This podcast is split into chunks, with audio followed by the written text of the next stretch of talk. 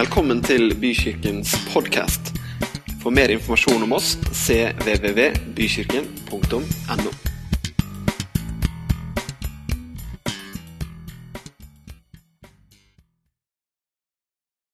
Jeg sier det med en gang. jeg. 2016 skal bli et bra år.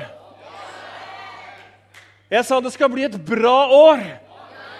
Når vi legger 2015 bak oss, så har jeg lyst til, før jeg deler det som jeg opplever at Gud har lagt på hjertet mitt i dag, så har jeg lyst til å fortsette takken som dere begynte.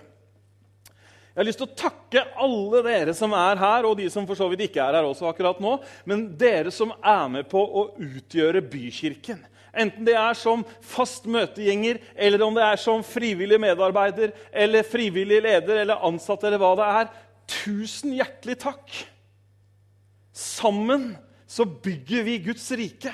Og det du bidrar med, med deg sjøl, med smilet ditt, med tiden din, med pengene dine, med innsatsen osv., det er med på å bygge Guds rike. Og det er jeg utrolig takknemlig for. Og jeg er helt overbevist om at det er en større hensikt bak det vi gjør. Tror du det? Ja, Nå må vi flytte bommen igjen. Tror du det? Ja, det er en mye større hensikt bak det vi gjør, enn bare å møte opp. Jeg tror nemlig at Gud har satt oss sammen i denne menigheten, i bykirken, fordi at han ønsker at hans rike skal bli synlig rundt om i våre områder. Amen. Han ønsker at flere mennesker skal få oppleve kjærligheten hans. Han, opplever, han ønsker at denne byen, og da mener jeg menneskene i denne byen, skal få oppleve livet med stor L. Det står på Slottsfjellveggen, vet du. Når byen som på tunet står, får blomstre i nye tusen år. Og jeg ønsker at det skal være en ny blomstringstid for Tønsberg. I form av at Guds rike spirer, gror og vokser. Halleluja! Jeg sier ikke det fordi det er sånn at fremtidsforskerne sier at 2016 det kommer til å bli et helt spesielt år. Jeg sier ikke det som spesialist på vær eller spesialist på økonomiske forhold. Men jeg sier at 2016 kommer til å bli et bra år. Det er fordi det er en som har sagt at 'jeg skal være med dere alle dager inntil verdens ende'. Jeg sier det fordi det er en som har sagt at 'min nåde er nok for deg'. Min nåde er ny hver eneste morgen. Jeg sier det fordi det er en som har sagt 'min trofasthet' den varer til evig tid. Han har også sagt i sitt ord at så lenge sola skinner, så skal hans navn skyte friske skudd. Jeg er så glad for at vi ikke er i bransjen gamle potteplanter, men vi er i bransjen nye skudd. Vi er i bransjen vekst, vi er i bransjen utvikling. Fordi at Guds rike i seg sjøl, dere, det har kraft til å vokse. Det er ikke vi som får Guds rike til å vokse. Bibelen sier at av seg selv vokser det. Det er akkurat som når bonden står og ser på åkeren sin. Han veit han har putta noe i der, men han kan ikke forklare hva det er som får frøet til å spire, skyte skudd, vokse og komme sterkt fram i lyset. 2016 skal bli et bra år. Hm. Vi skal få opplevde, oppleve at Gud er trofast. Vi skal få oppleve Hør hva du skal få oppleve. Du skal få oppleve at han er den som løfter ditt hode. Du skal få oppleve at han er den som gir din sjel nytt mot. Nytt håp. Og vi skal få oppleve, både enkeltvis og sammen, at han er den som svarer på våre bønner. Vi skal se nye mennesker komme til tro. Jeg prøver en gang til. Jeg er litt lenger bakfra. Vi skal se at nye mennesker kommer til tro. Og da smiler han støkkel når det hoppet Når han ser nedslaget. Og så skal vi få se at gamle troende får ny tro. Jeg tar den en gang til. Det var veldig Vi skal se at gamle troende får ny tro! Ja! Han kan nemlig gi oss litt ny tro, vet du. Halleluja, folkens. La oss løfte blikket. Ikke fordi Bent Ove sier det, men fordi Guds ord sier det. La oss se oppover. La oss se på Gud. Gud, han har ført deg fram til denne dagen fordi han har en hensikt. Han vil at du skal kjenne han. Det viktigste i vårt liv som troende er ikke hva vi utretter, som det skrive, som det kan skrives historiebøker om. Men det viktigste i ditt og mitt liv som troende, det er at vi kjenner Han. Han vil at vi skal kjenne ham. Kjenne den allmektige. Må smake litt på det. Kjenne den allmektige. Hm. At du skal vite at du er hans, at han er din. At du og jeg skal få lov å leve våre liv etter hans vilje. Etter hans ord. Jeg sa i stad at jeg skulle presentere årets nyttårsforsetter. Det kommer jeg ikke til å gjøre. Jeg har selv satt meg åtte forsetter for neste år og jeg er i gang med ett av dem. Dere merket kanskje i går ettermiddag at det var utslag på Richters skala på Nordre Nøtterøy. Det var årets første løpetur. Det ble en del gåing òg, da. det var ikke noe nyttårsforsett, det var bare en tur.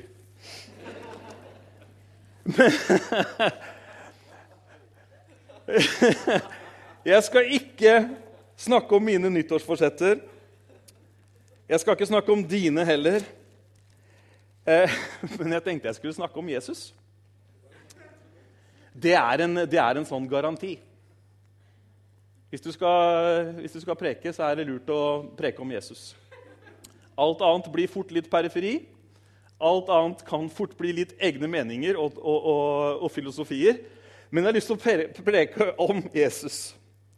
Det finnes jo ikke noe bedre måte å starte det nye året på enn å snakke om han. Det er deilig de gangene hvor agendaen er åpen, eller de gangene hvor jeg i hvert fall kan sette agendaen, og så kan jeg sette Jesus på agendaen. Du skjønner at Denne menigheten den dreier seg nemlig om Jesus. Det er han som er eh, hodet for menigheten.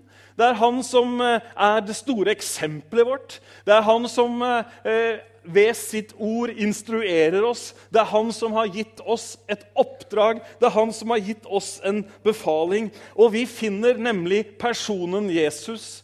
Hvem han er, hva han gjør, hvor mektig han er, det finner vi langt over gjennomsnittet interessant.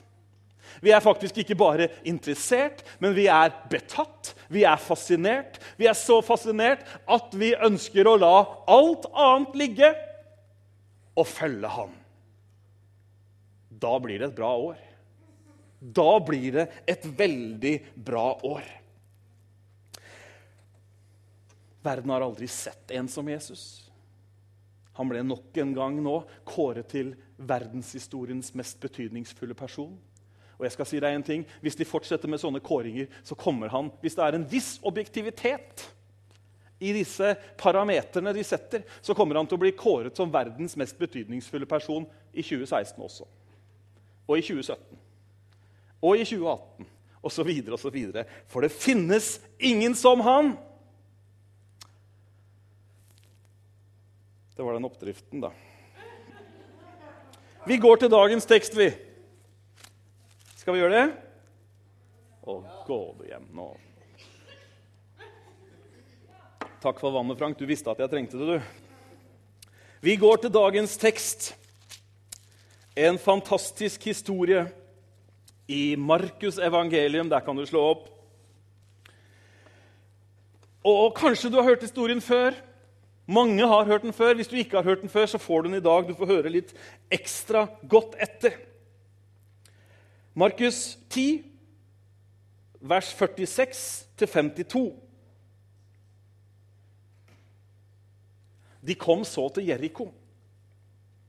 Han gikk ut fra Jeriko sammen med disiplene sine og en stor folkemengde og en stor folk, sammen med disiplene sine og en stor folkemengde. Tror jeg må begynne på nytt igjen, for jeg glemte en sånn lite ord her. så det ble så veldig rar setning. Du så det at jeg glemte da. Da han gikk ut fra Jeriko sammen med disiplene sine og en stor folkemengde, satt den blinde Bartimeus, sønn av Timeus, ved siden av veien og tigget. Og da han hadde hørt at det var Jesus fra Nasaret som kom, begynte han å rope og si, 'Jesus, Davids sønn, miskunn deg over meg.' Så stanset Da var det mange som truet ham for at han skulle være stille, men han ropte bare enda mer. 'Davids sønn, miskunn deg over meg.' Så stanset Jesus og sa at han skulle bli kalt fram. Så kalte de på den blinde og sa til han, 'Vær ved godt mot. Stå opp. Han kaller på deg.' Han kastet da av seg kappen sin, reiste seg og kom til Jesus. Så tok Jesus til orde og sa til ham, 'Hva vil du at jeg skal gjøre for deg?' Det er jo et merkelig spørsmål å stille. Her kommer det stabbende fram en blind mann, og så spør Jesus, 'Hva vil du at jeg skal gjøre for deg?' Men han svarer og sier, 'Rabuni', det betyr 'min store herre'. Rabuni, at jeg må få se. Da sa Jesus til ham, 'Gå av sted. Din tro har frelst deg.' Med det samme kunne han se, og han fulgte Jesus på veien. Kjære Gud, jeg ber om at du snakker rett inn i våre liv gjennom ditt ord nå i dag.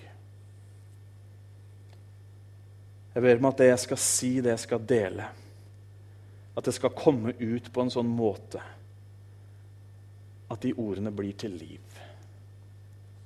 At de ordene blir til noe som vi kan bygge livet vårt på. Hm. Takk skal du ha, far. Denne historien har mange hørt mange ganger før. Og det er nesten et sånt begrep som også de utenfor våre kretser har kjennskap til, den blinde Bartimeus. Men jeg tror denne historien er mer aktuell enn noen gang. Jeg tror den har mye å si oss som troende i dag. Det var jo et merkelig spørsmål å stille til en blind mann. Hva vil du at jeg skal gjøre for deg? Ha. Jeg ser for meg Bartimeus. Mest sannsynlig så var han en sånn skikkelse som alle kjente. De hadde sikkert sett han. Han satt på samme sted. Satt der og ba om almisser. Satt der og levde på andres godvilje og gavmildhet. Han var sikkert en sånn som eh, de hadde sett mange ganger, siden de så lett truet han og ba han om å være stille. Lavt aktet, blind, ingen arbeidskapasitet, overgitt til tigging. Alle byer har jo sine originaler, ikke sant? Jeg husker en gang for eh, Det begynner å bli mange år siden, ja. Så sto jeg på busstasjonen i Tønsberg. Det var før den ble sånn overbygd sammen med Farmannstredet og alt det der. Eh, og så var det en kar Jeg vet ikke hvor mange her som husker Finmaleren? En eh, kjent skikkelse fra bybildet som stadig hadde tatt et par øl for mye, noe som førte til eh, fantastisk morsomme kommentarer. Støtt og stadig. Han lå på kjerkegården en gang på en benk og sov. Så kom kirke, eller de som jobba på kirkegården, kom og litt sånn bruskt. Nesten som til Bartimeus. 'Du kan ikke ligge her!' Så sier han, kjapp som han var, 'Du får snakke til de andre. De har ligget her mye lenger enn meg.' En annen gang så gikk han ned en av byens gater, og han møtte en uh, ung dame som hadde en barnevogn foran seg, som hadde en unge i hånda og en stor mage. Så lette han på hatten. Han hadde sånn der kapteinlue. 'God morgen, skjønne jomfru.' Og så, og, og så, gikk han videre. Men en gang på busstasjonen så sto jeg og venta på bussen. Jeg tror kanskje jeg var 12-13 år. eller et eller annet. Og så var det noen ungdommer det var mange folk der, men det var noen ungdommer som drev og mora seg på finmalerens bekostning. De gikk og nappa jakka hans. De prøvde å ta posene hans. Han gikk ofte med poser. Alle vet hva han hadde i de posene. Eller vet vi ikke hva han hadde i de posene. Og de ropte ting til han, og de var ordentlig stygge med han. Se for meg at det var litt sånn med Bartimeus også. Vær stille, Bartimeus! Slutt med den ropinga! Med andre ord, han er, ikke, han er ikke interessert i å høre på deg. Husker Jeg syntes det var rart den gangen på busstasjonen at ingen voksne greip inn. Det var tenåringer som holdt på å mobbe denne mannen som satt ved veien og tigde. Hm. Men så skjedde det noe med Bartimeus. Det var et eller annet som hadde bestemt seg på innsiden hans. For at Bibelen sier at etter at de truet han, så ropte han bare enda mere. Og Jeg vet ikke om jeg skal rope så høyt som han ropte, for jeg vet ikke akkurat hvor høyt han ropte.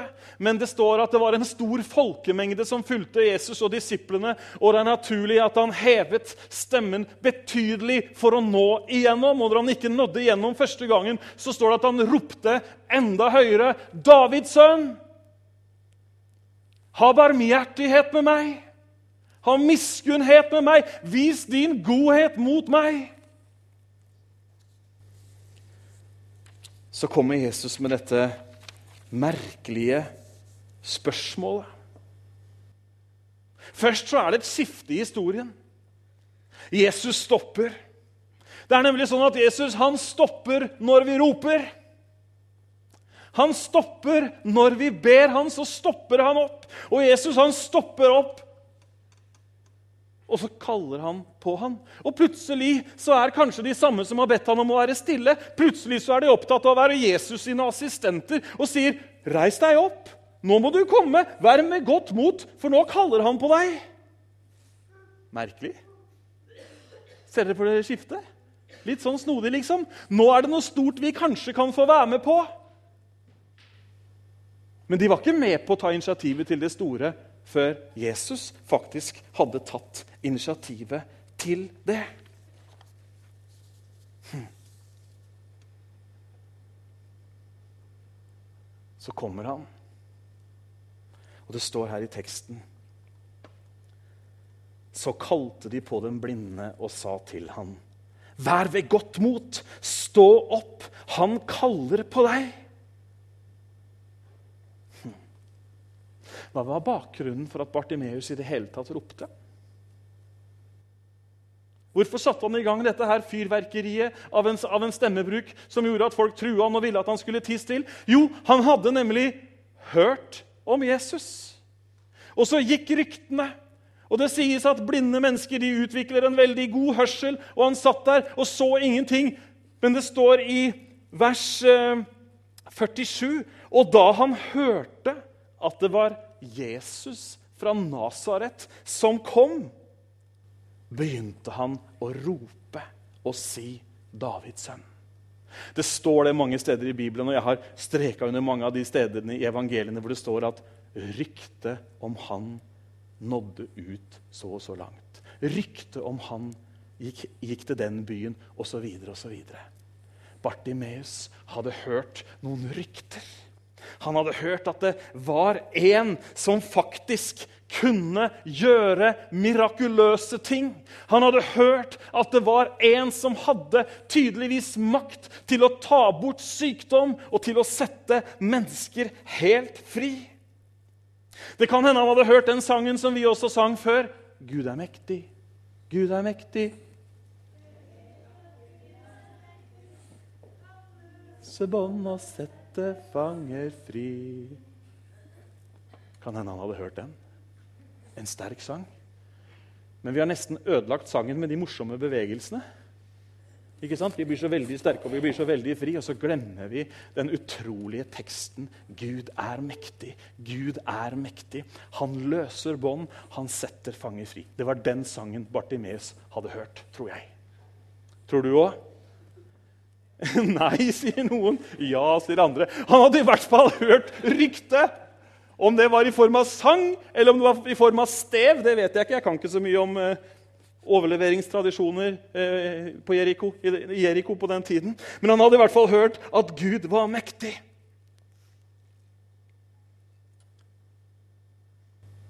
Har du hørt at Gud er mektig?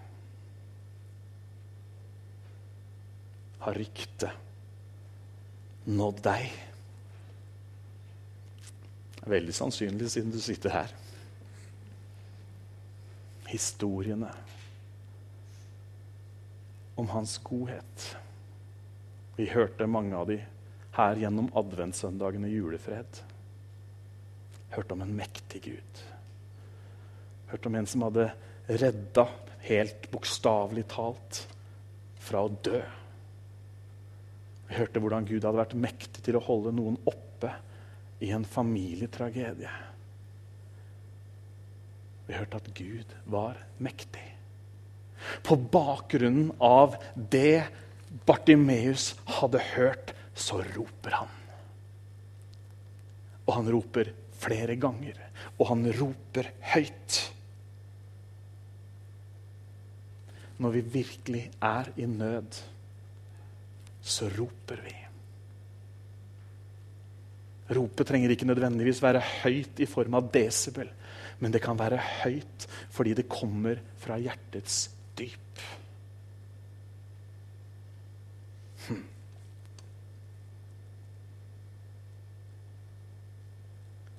Når han ropte, så forsøkte de andre å stoppe ham. Når han kalte på Herren, når han søkte sin redningsmann, så forsøkte noen å få ham til å tie stille.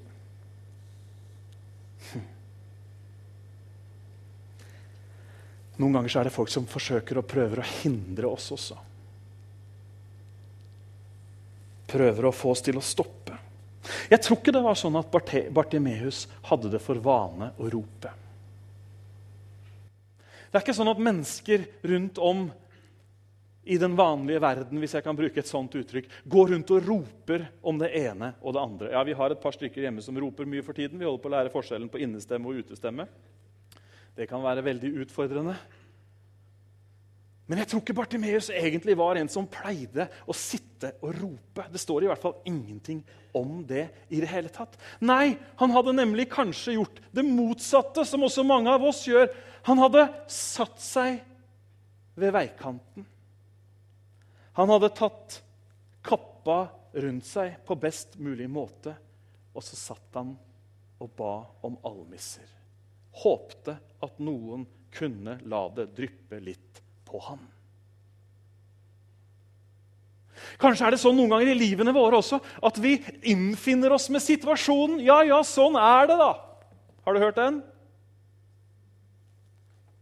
Eller noen som sier, og jeg hørte Noen som sier Ja, ja, noe må vi jo ha. Har du hørt den? Underforstått. Vi må jo, vi må jo liksom ha vår del av eh, diagnoselista, eller vi må jo ha vår del av folkehelsastatistikk, eller vi må jo ha vår del av det ene eller det andre. Er du med? Og vi syns nesten at vi er litt fromme når vi sier det. Vi syns nesten at det er litt sånn ydmykt. Vi må jo ikke bry Gud med det. Vet du hva Sakkeus Han brydde Jesus. Han brydde folkemengden. Han ropte, han strakk ut noe fordi han visste at det finnes en som kan gjøre noe for meg. Jeg er sikker på at han var helt overbevist. Jeg er sikker på at det frøet av tro som, finnes, som fantes i Bartimeus, og som finnes i hver eneste en av oss, det frøet hadde blitt vannet av ryktene. Det frøet hadde blitt vanna av historiene om at Jesus, han er mektig.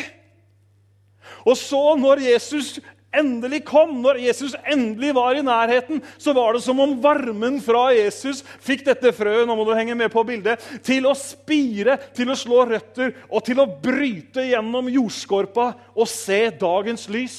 Og det gjorde det i form av et Jesus. Davids sønn, miskunn deg over meg. Troen taler noe. Troen sier noe. Troen påkaller Jesus midt i situasjonen, som kan virke så satt, så definert.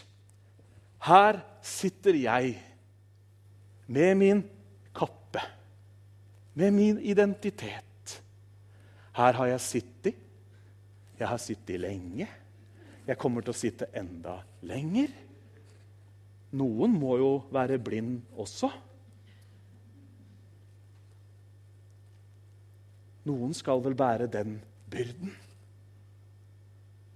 Noen må vel slå seg til ro med at sånn er tingenes tilstand. Troen taler et annet språk.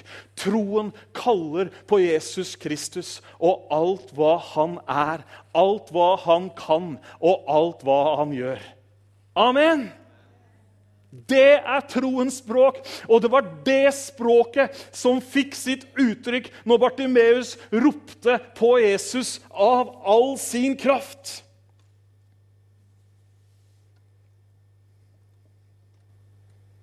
Du har et frø inni deg. Et lite trosfrø. Ofte så har vi målt tro i størrelser. Jesus sier at om dere har tro som et lite sennepsfrø, så hva kan vi gjøre? Vi kan befale dette fjellet om å løfte seg. Noen ganger så står troen i veien for vårt mirakel. Noen ganger så står troen i veien for vårt gjennombrudd eller vår seier. Hva mener du med det, Bent Ove? Jo, jeg mener at Noen ganger så fokuserer vi så mye på troen i form av vår evne til å tro at vi ikke har noe tid, noe fokus, til å tro på Han. Fikk du med deg den?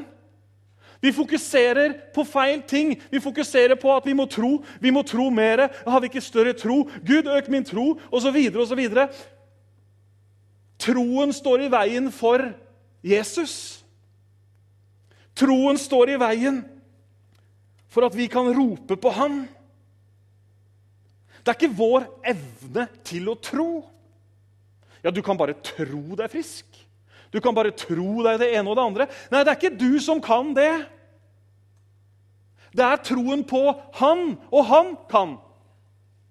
Fikk du med deg forskjellen? Det er veldig viktig. Ofte så tror vi at bare vi tror nok, og vi prøver å skape en eller annen tro, men vi må fokusere på Jesus. Det er troen på Han som endrer alt. Og da er det nok med et bitte lite sennepsfrø. Var ikke dette herlig befriende på første gudstjeneste i 2016?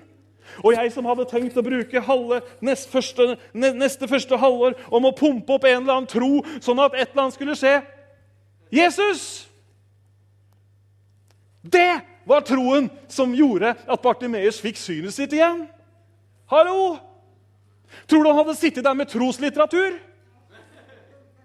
Tror du det var noen som hadde gitt ham tro, syv steg til mer tro og troens ABC og æ, ø. Var det det han hadde hørt? Han hadde hørt om Jesus. Det var Jesus som ga han synet tilbake. Det var Jesus som gjorde miraklet for Sakkeus. Vi må jo gå litt videre, må vi ikke det? Jeg kjenner at dette her kunne vi prekt om et par ukers tid, så nå veit du hva som kommer de to neste søndagene.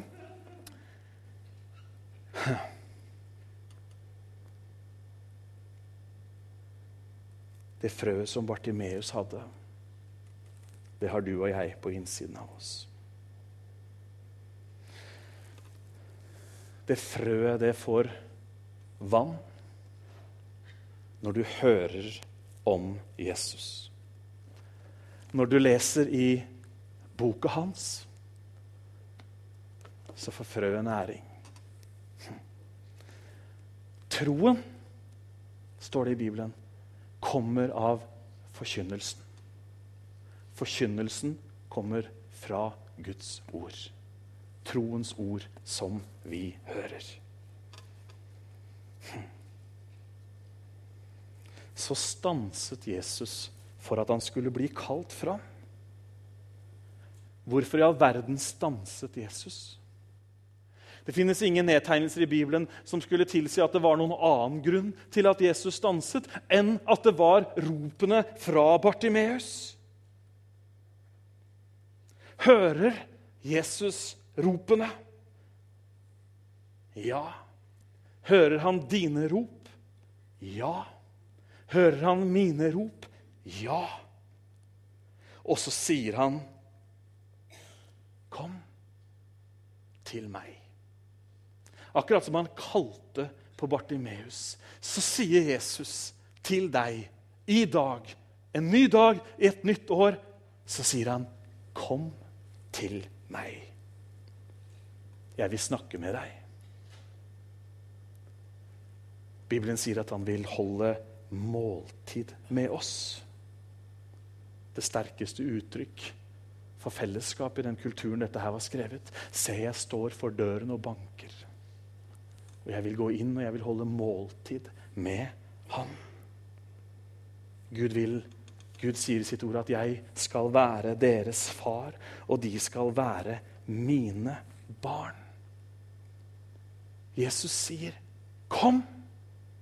Han sa det til Bartimeus, og han sier det til deg. En av de største utfordringene i denne tiden, og ikke minst for oss som kristne, er kristne i dag, det er at vi har ikke tid til å komme. Vi har ikke tid til å stoppe opp. Og mange av oss vi snakker om tid. Jeg har vært veldig opptatt av tid en tid.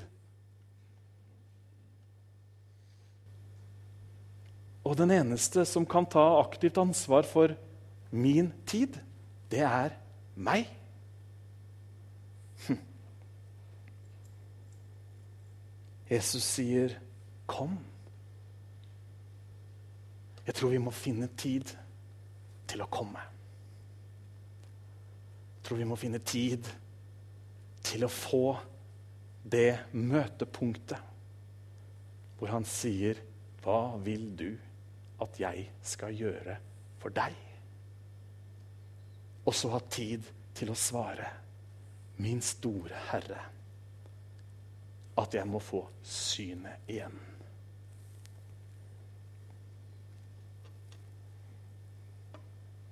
Vi inviteres til å sette oss ned sammen med Jesus. Hans løfte til oss er ikke å se 'jeg vil dukke opp et par søndager i måneden'. Hans løfte til oss er at han vil være nær. At han vil snakke med oss. At han vil være sammen med oss. Hm. Stå opp, Bartimeus. Vær ved godt mot. Nå kaller han på deg. Nå kan du komme. Hm. Så står det Jeg elsker dette verset. Han kastet da av seg kappen sin, reiste seg og kom til Jesus. Det ytre, det klesplaget som de andre så, det som de visste hvordan farge hadde, det som de hadde sett mange ganger før, det lot han bare ligge. Og kappen det kan stå for så utrolig mange ting, men jeg tror det handler mye om at Sak, nei, ikke Sakkeus, Bartimeus Det er så mange usser, vet du. Bartimeus, som er sønn av Timeus, og vi holder på hjemme litt. Og jeg kaller han Filippus, han lille innimellom. Blir så prega av det jeg leser. vet du. Det er så mange us-navn, så det er litt Filippus også innimellom. Og nå mista jeg helt tråden. Help me, someone. Du mista tråden, du òg, ja. Akkurat. Da begynner vi på nytt igjen, dere. Nei, jeg har ikke mista tråden. Bartimeus kasta av seg kappen. Det som de andre kjente, den oppfatningen de andre hadde av han, i alle fall rent visuelt, det lot han være. Og jeg tror at det kan stå som et tydelig bilde på identitet, f.eks.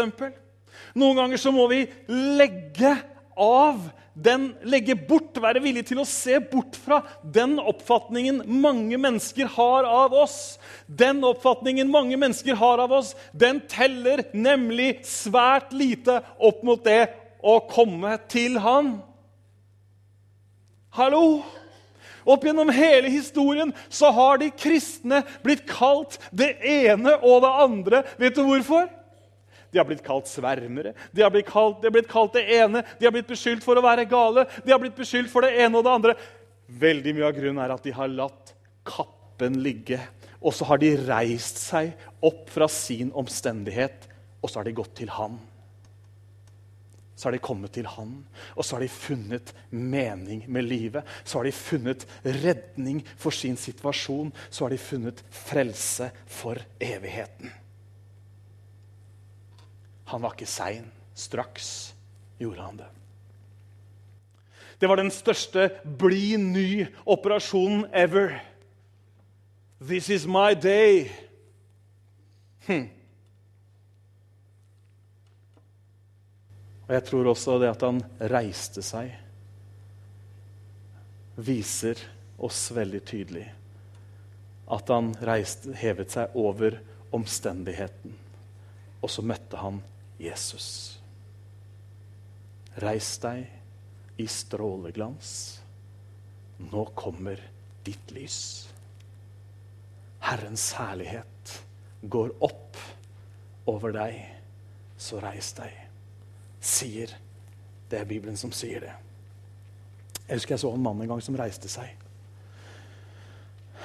Jeg tenkte ikke på Bartimeus akkurat da, men jeg tenkte på han mannen, og jeg tenkte på Bartimeus nå. Var på et møte i Oslo, og så var det en stor eh, En av eh, vår tids største evangelister, Reinhard Bunke, som prekte på et møte med noen tusen mennesker. Og For de av dere som har hørt han, så snakker han eh, engelsk med en sterk tysk aksent og med en inderlighet som gjør at du skulle tro at ja, jeg vet ikke hva, har nesten ikke ord. Og så inviterte han mennesker til å komme. Akkurat som Jesus sa til Bartimeus, 'Kom'. Og så ser jeg sånn, liksom, litt sånn i sidesynet så ser jeg en voksen mann, kanskje 55 år, et eller annet. Jeg var jo så liten at jeg var dårlig på å angi alder. Men så reiser han seg opp. Tårene renner nedover kinnet hans. Og så løper han. Det var en stor hall her, så det var litt plass å løpe. Og så løp han fram for å komme til Jesus. Fantastisk. Han reiste seg. Han kom.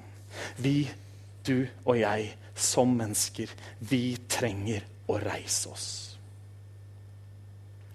Ikke reise oss for å heve oss over de andre, men reise oss fordi vi blir så lett sittende fast i vårt eget. Vi, er, vi blir nemlig ikke gamle før vi har våre oppfatninger, våre meninger. Sånn må det nå være. Og så videre og så videre. Og noe av det er sikkert veldig bra, men Bibelen sier ikke 'bli sittende'. Bibelen sier at vi skal bli stående. Faste i troen. I dette nye året, denne, på denne nye dagen, så kan du reise deg.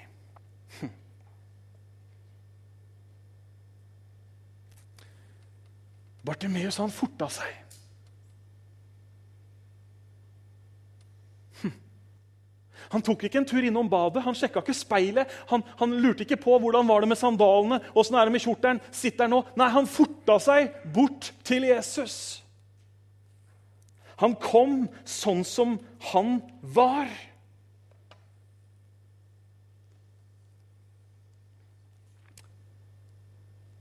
Du og jeg, vi kan komme sånn som vi er.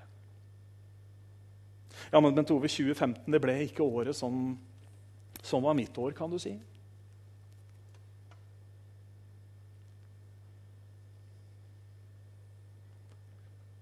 De fem siste åra har heller ikke vært mine år, for å bruke et sånt uttrykk. Jeg har så mange ting jeg gjerne skulle ha gjort om, eller pynta på eller forandra på. Bartimeus pynta ikke på noe.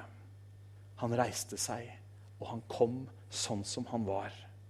Og spørsmålet han ble møtt med, og spørsmålet som jeg tror at Herren stiller hver og en av oss innenfor dette nye året, er hva vil du at jeg skal gjøre for deg? Kan ikke jeg få litt hjelp av deg, Fredrik? Hm. Ja, men han vet det vel? Gud kjenner jo alle ting. Han kan vel bare gjøre det? Jeg skjønner for så vidt ordene. Hvorfor var det ikke bare sånn at når Jesus kom gående, så kunne Bartimeus bare reise seg og så gå bort, og så skjønte jo Jesus ja, men Jesus han vet jo det, han skjønner jo det, han, han kan jo det. Kunne han ikke bare blitt sittende langs veikanten og håpet at et eller annet skjedde? Jeg tror dette er et eksempel for oss. Jeg tror Den hellige ånd har latt denne historien bli skrevet ned i vår bibel som et eksempel til etterfølgelse. Og eksempelet var ikke en høy borger. Eksempelet var ikke en aktet skriftlærd. Men eksempelet var en mann som satt ved veikanten, og som skjønte at alt jeg trenger å gjøre, er å rope på Jesus. Alt jeg trenger å gjøre, er å kalle på han. Så kan han gjøre det, for ryktene er sanne. Det er tro, folkens. Det er ikke en teologisk utlegning, men det er tro.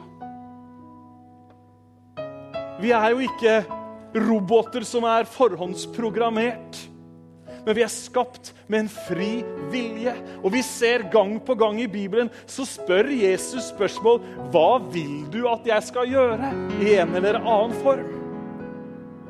Hm. Hva vil du? At jeg må få synet igjen. Underforstått så spør Jesus hva er det du trenger. Hva er behovet i ditt liv?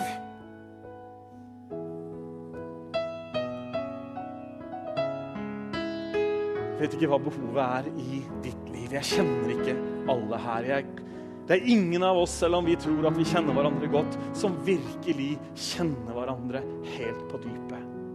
Men det er en som kjenner oss, og han spør hva vil du at jeg skal gjøre. Jeg vet ikke hva ditt svar er på det spørsmålet. Kanskje det er Herre, at jeg må bli frisk fordi jeg er plaga av sykdom. Kanskje det er når han spør hva vil du jeg skal gjøre. Jo, Herre, jeg vil at du skal frelse min familie, mine barn. Hva vil du? Jeg vil at du må hjelpe meg, Herre, så jeg kan klare å tilgi. foreldrene mine. Hva vil du jeg skal gjøre, Jesus? Jeg vil så gjerne at du skal ta bort, ta bort angsten som plager meg så heftig. Jeg vil at du skal gi meg synet igjen. Jesus lever i dag. Jesus spør oss i dag, hva vil du? Kanskje er svaret ditt, Herre, jeg vil at du skal fylle meg på ny med din gode, hellige ånd. Kanskje svaret ditt er, Herre, jeg vil at du skal gi meg et helt nytt bilde av hvem du er. Han vil gjøre det. Han vil gi deg synet tilbake. Hva vil du jeg skal gjøre for deg? For en måte For en måte å gå inn i et nytt år på. Og få spørsmålet hva vil du jeg skal gjøre? Han som kan gjøre langt mer enn det vi er i stand til å be om. Han som kan gjøre langt utover det vi faktisk kan. Jeg har lyst til at vi skal reise oss opp, alle sammen.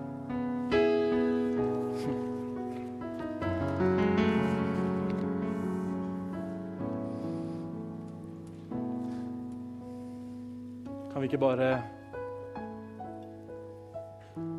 være stille for Gud sammen?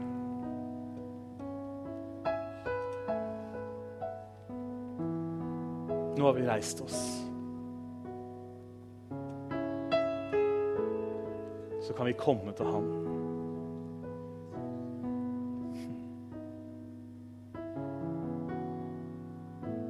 Komme sånn som vi er. Komme med vår fortid, vår bagasje. Komme med de byrdene som ingen andre vet at du bærer. Så kan vi komme ham.